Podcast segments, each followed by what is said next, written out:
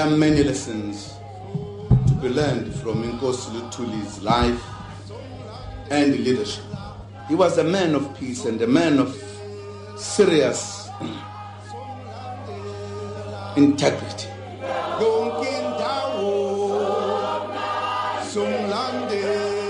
Hoofman Albert Lutuli word jaarliks deur die ANC vereer vir sy rol as president van die party wat op 8 Januarie 1912 tot stand gekom het. Die party se vryheidsstryd het 'n hoogtepunt bereik met die eerste demokratiese verkiesing in Suid-Afrika op 27 April 1994 onder leiding van die ANC se ander groot ikoon Nelson Mandela. Sy leierskap verteenwoordig 'n luisterryke tyd vir die party ten spyte van heelwat ander foute maar die party het erg agteruit gegaan na president Jacob Zuma by oud-president Thabo Mbeki oorgeneem het, meen sommige ondersteuners. Soveel so dat Mandela se tronkmaat en ANC strydros Ahmed Kathrada die president per brief versoek het om te bedank. Hy is een van 'n toenemende koor van prominente stemme in die party wat ontevrede is met die president, sê die joernalis en politieke kommentator Max de Pre. Ons kry nou skerp kritiek op die president van die kommuniste party van Kusatu en mense moet ook tussen die lyne lees wie in die ANC loop Stone Sezani loop. Keith Khoza loop. Ons weet mos hoekom loop hierdie mense. Hulle wil nie langer die president se rug beskerm. Ten spyte hiervan blyk dit dat die ANC nog steeds 'n verenigde front kan voorhou.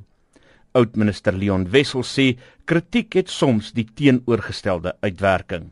Sy loyaliste staan al nader, al nader, al nader aan hom en beskerm hom meer en meer en meer. Defend our leadership and more particularly we have to defend the president of the ANC, President Jacob Zuma. The government under your leadership, Mr. President, remain the only government with capacity experience and determination to better their life. Dit laat 'n mens met die vraag oor watter rol die ANC speel in die oënskynlike onaantastbaarheid van die president. Die filosoof Willie Esterhuizen meen 'n mens moet dit vanuit dieselfde tradisionele oogpunt beskou as wat 'n mens die president se reaksie teen kritiek verstaan. Tradisionalisme is 'n bepaalde manier van dink en van doen. Die stamhoof is die persoon wat bepaal hoe dinge gebeur. Dit is veral ook 'n manier hoe hulle mag verstaan. As jy 'n beheer is, het jy 'n klomp ouens rondom jou wat saam met jou dans. Hulle dans nie teen jou.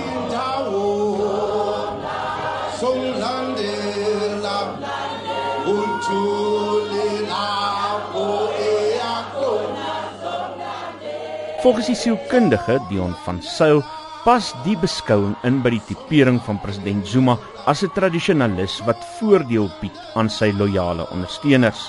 Hulle het 'n hoë vlak van binnegroep begunstiging en etnosentries forceer bietjie konformering af. Dis nou die autoritaire persoonlikheid. Die sielkundige Frikkie De Plooy sê kritiek sorg dan vir 'n verenigende dinamiek binne die groep. Dit versterk maar net weer die die ons hulle gevoel en op allerlei maniere word daar dan redes gesoek om om te sê die kritiek teen ons is onregverdig en dan sou 'n mens dit rasisme kon noem of watter woorde jy ook al wil gebruik om die kritiek teen jou af te maak om jou eie groep te versterk. Die politieke ontleder Amanda Gous aan die Universiteit van Stellenbosch sê president Zuma in weerwil van sy omstredenheid is die gom wat die groep op 'n onortodokse wyse bind ehm uh, ballingskap was hy die hoof van die sekuriteitsafdeling van die ANC dat hy iets op almal het. He's got dirt on everybody en hy sal bereid wees om om dit te gebruik. Nou dit is een verklaring vir hoekom hy uh, jy weet hou vas het op mense en hoekom hulle hom beskerm. Zuma se ontslag kan die ANC uitmekaar skeer en in 'n bestaansdilemma dompel, sê Gous. Uh, 'n Nuwe president stel 'n nuwe kabinet aan. Dan het jy op 'n baie kritieke periode 'n gebrek aan wat ons noem institutional memory, hoe goed gedoen moet word.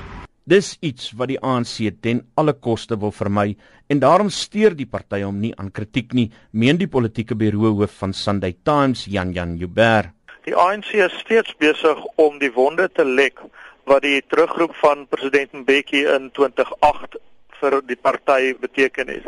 En dit sal vir hulle weer eens 'n herhaling moet wees van daardie hele proses as hulle nou nog 'n leier herroep.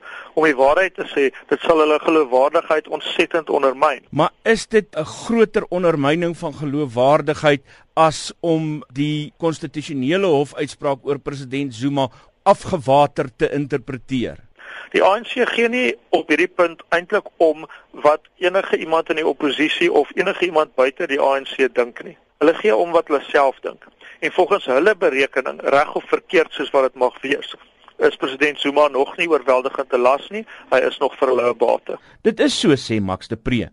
Maar dit beteken nie dat Zuma heeltemal ongeskonde uit die stryd in die ANC gaan tree nie. Ek dink nie ons gaan die president se gesig oor die T-hemde kry hierdie verkiesing nie. Ek dink hy staan effe terug. Ek dink hulle vra hom om sy hande bietjie van die stuurwiel af te haal.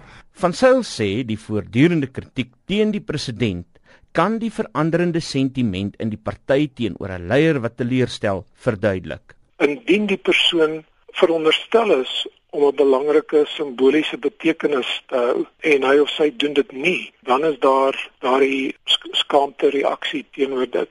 Maar saam met dit is daar 'n uh, opstand en rebellie en die magteloosheid en pessimisme kom altyd heel laaste. Intussen is daar groeiende onrus onder die burgery oor al die kritiek. In môre se bydra kyk ons na die impak van die kritiek teen president Zuma op Suid-Afrikaners.